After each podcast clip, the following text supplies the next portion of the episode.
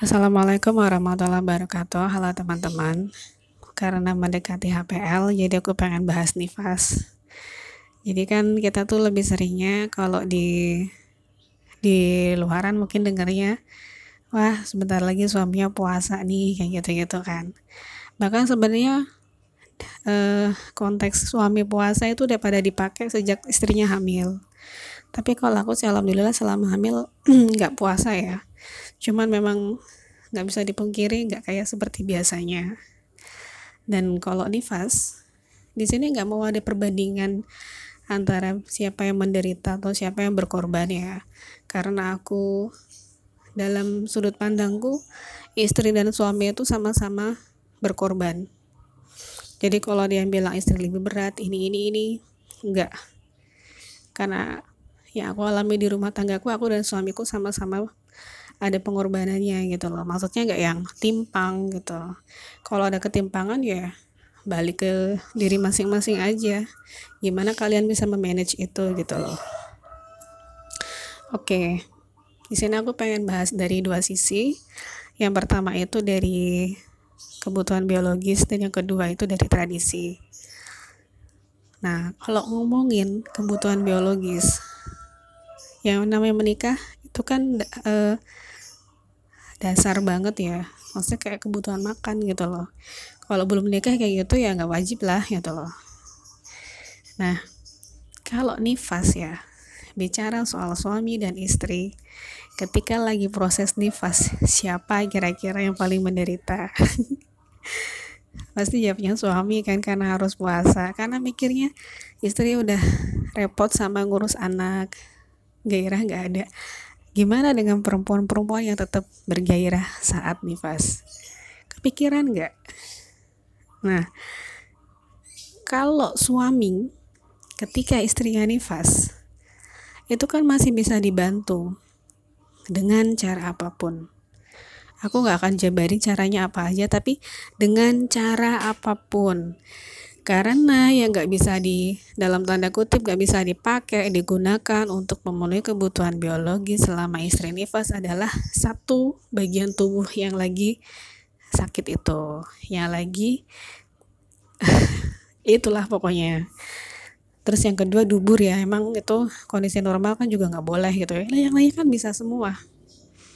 Bisa semua gitu loh. Nah tapi coba itu suami bisa puaskan tapi coba istri.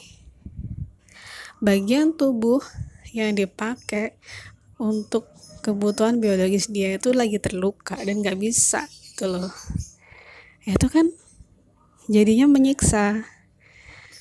Mau dikasih enak-enak malah tambah kesiksa kan karena nggak bisa gitu loh nggak bisa sampai ngerti ya semoga ya udah nikah ngerti kalau belum nikah ngerti ya udah nanti aja gitu kayak gitu. Terus dari semenjak hamil juga ya. Uh, kalau dari pengalamanku perut besar itu makin susah.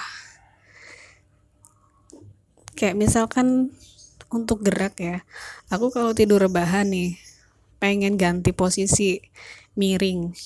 Atau dari miring kanan pengen ke kiri itu aja tuh udah punggung pinggang tuh sakit gitu loh nah itu. Itu ya itu gambaran aja. Jadi aku nggak mau bilang ini lebih menderita ini lebih ini itu enggak tapi kalau mau ditanya siapa sih yang kesusahan diksinya aku ganti ya bukan menderita tapi kesusahan ketika nifas ya itu gambarannya gitu loh. Terus yang kedua dari tradisi. Aku tuh baru tahu kalau di sini tradisinya istri nifas suami itu wajib menggantikan semua tugas istri. Karena sepemahamanku dari se uh, waktu aku masih belum punya anak itu suami udah kerja ya istri yang ngerjain dom pekerjaan domestik gitu loh. Makanya kan banyak cerita istri yang baru lahiran itu kan biasanya pada tinggal di rumah orang tua si istri kan.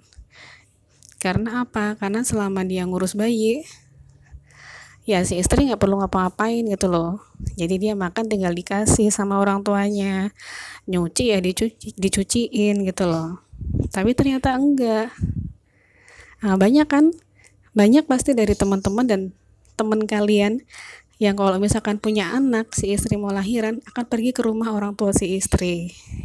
Banyak walaupun nggak semuanya.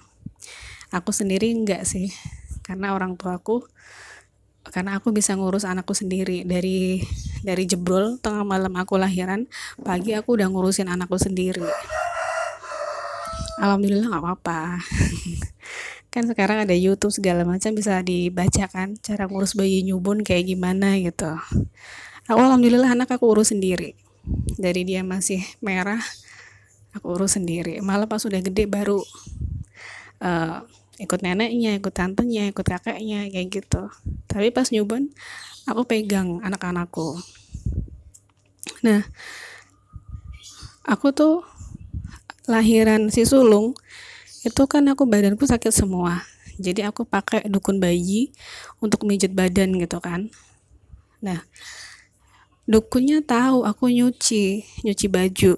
Itu aku di sambil dipijit tuh dia ngomong, "Duk, kita itu perempuan udah capek hamil. Udah payah banget hamil sengsara. Ditambah udah melahirkan kamu udah ngalamin sendiri sakitnya kayak apa? Ini kamu sampai nggak bisa bangun habis ngelahirin anak kamu. Ditambah kamu melek malam. Anak kamu nangis kamu jagain suami kamu tidur biarin dok. Biarin yang ngerjain semua pekerjaan rumah pekerjaan yang kamu tinggalin itu suamimu jangan kamu. Dia bilang gitu. Nah kan aku kan ngomong lah emang bukannya biasanya kayak gitu ya mbah? Suami kan udah kerja. Enggak. Kamu tahu kenapa hari-hari itu yang nyuci suami? Kenapa hari-hari yang nyuci bapaknya anakmu?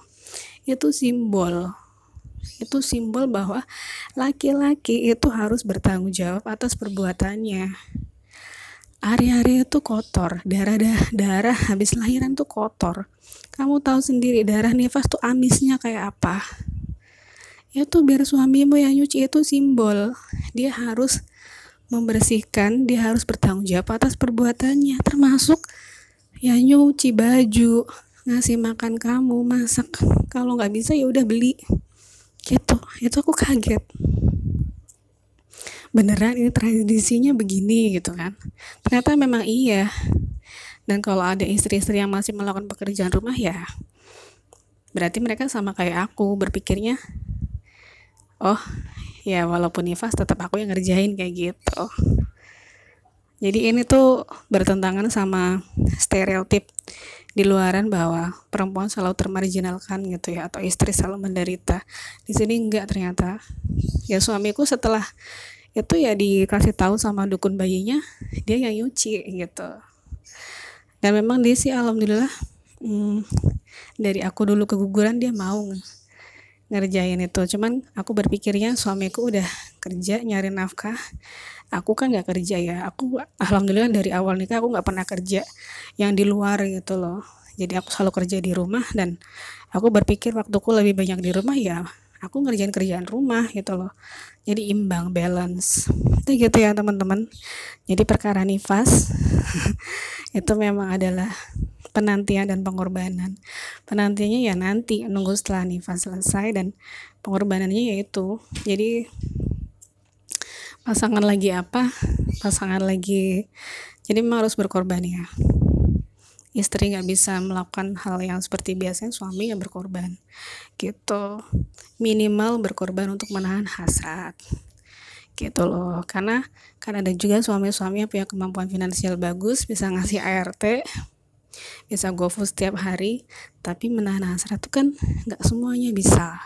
Ada juga yang bisa menahan hasrat tapi kurang bisa ngasih uh, finansial yang cukup ya kayak gitulah pokoknya. Assalamualaikum warahmatullahi wabarakatuh